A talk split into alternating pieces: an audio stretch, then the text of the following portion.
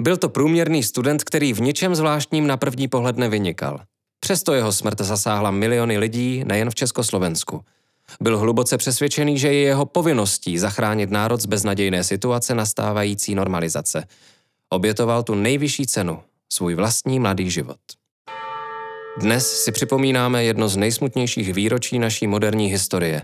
Smrt Jana Palacha, který se upálil na protest proti okupaci Československa a na následky popálenin zemřel 19. ledna 1969. Pravda a láska musí zvítězit nad lží a nenávistí. Demokracii bychom už měli. Teď ještě nějaké ty Když ne, když ne, my. Chceme světlo. Když ne, Ne teď. Vydržaj, Svoboda. Svoboda. Volnost. Liberální. Zaposlouchej se do audiokalendária a dožeň s námi během pár minut roky nedávné historie. Díky, Děkujeme. Díky. Díky. Já jsem herec Viktor Zavadil a Jana Palacha jsem stvárnil ve stejnojmeném filmu. A dnešní audiokalendárium je moje druhé setkání s ním.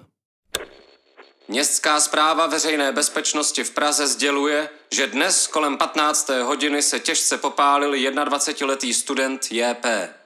Na Václavském náměstí se polil dosud neznámou hořlavinou, zapálil na sobě oděv a přivodil si těžké popáleniny. Rychlým zásahem byl oheň uhašen a záchranná služba odvezla studenta do nemocnice. Motiv činu se vyšetřuje. Konec hlášení.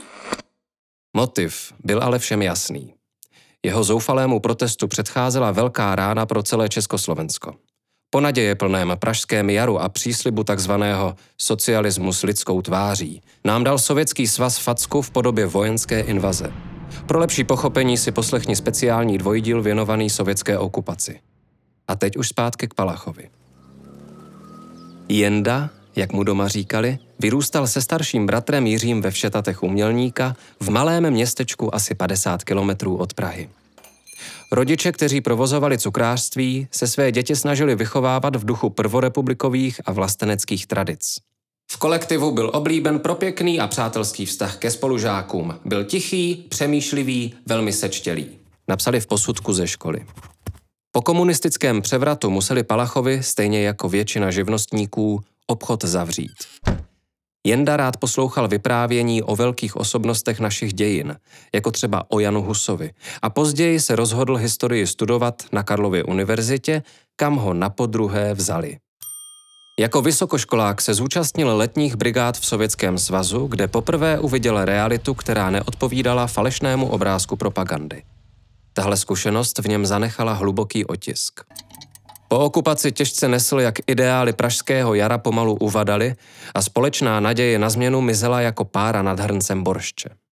Jenda nechyběl na protiokupačních demonstracích, včetně studentské stávky, ale boje vystřídala letargie a společnost začala být lhostejná.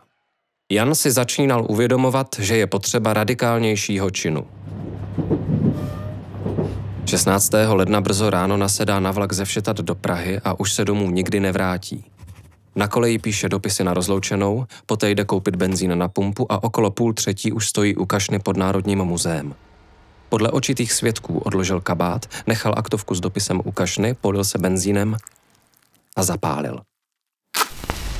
Pak přeskočil zábradlí, proběhl mezi zaparkovanými automobily směrem k soše svatého Václava, ještě neexistovala magistrála, tam padnul na vozovku a byl náhodnými svědky uhašen kabáty.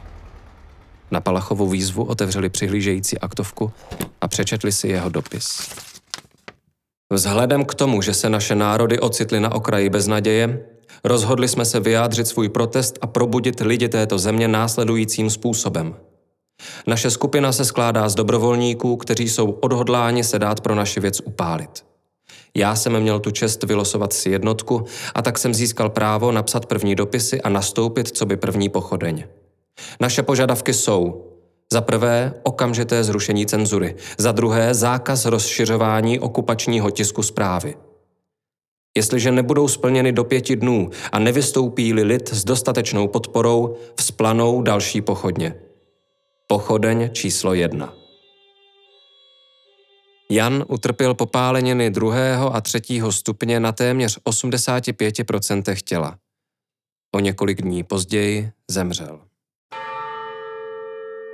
Velkolepého pohřbu se zúčastnili desetitisíce lidí z celé republiky a psala o něm média po celém světě. Jeho matce dokonce přišla kondolence od Ludvíka Svobody i Alexandra Dubčeka. Na jeho čin přímo zareagovalo mnoho vlivných osobností, kteří veřejně žádali, aby se nikdo další nepokusil o to samé. Například básník Jaroslav Seifert napsal Vám, chlapci, kteří jste se odhodlali zemřít, máte právo udělat se sebou, co chcete. Nechcete-li však, abychom se všichni zabili, nezabíjejte se. Václav Havel ve veřejném prohlášení pronesl – Smrt Jana Palacha chápu jako varování před morální sebevraždou nás všech.